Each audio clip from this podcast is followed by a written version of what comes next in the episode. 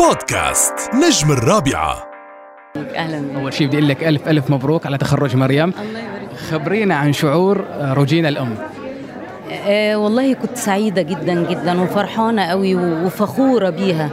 وسعيدة لأنها بتبدأ مر خلص خلص خلصت المدرسة وبتبدأ مرحلة جديدة وهي إن شاء الله بإذن الله داخلة الجامعة الأمريكية قسم آه، تمثيل.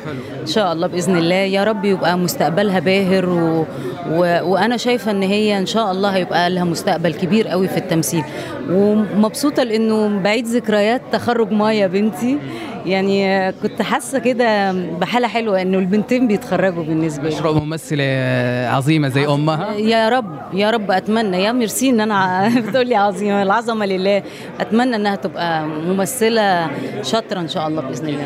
شفناك في رمضان. كان اسمك الأكثر تداولا على تويتر. طبعا في كيد الحريم وبانحراف عندك شيء هلا ورقة بتحضريه لرمضان عندي الجاي؟ إن شاء الله بإذن الله رمضان 2023 مسلسل ستهم. آه تأليف ال- الكاتب الرائع ناصر عبد الرحمن وإخراج أستاذ رؤوف عبد العزيز. بنعيد آه يعني التعاون تاني بعد انحراف إن شاء الله بإذن الله. في مجال السينما غبتي من 2017 يمكن ما عاد لا، شفناك كان لسه عندي فيلم اسمه مربع برمودا كده حاجة كوميدي مصطفى خاطر وعمرو عبد الجليل وأنا وهنا شيحة.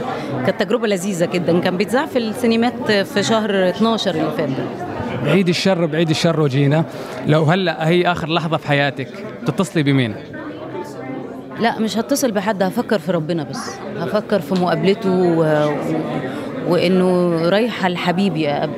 يعني مش هيبقى شاغلني حد في الدنيا. كلمة أخيرة للمستمعين راديو رابعه آه سعيدة إن أنا معاكم جدا ودايما متألقين وناجحين. بحبكم قوي قوي يا رب دايما كده نجاح وتألق. روجينا بودكاست نجم الرابعة.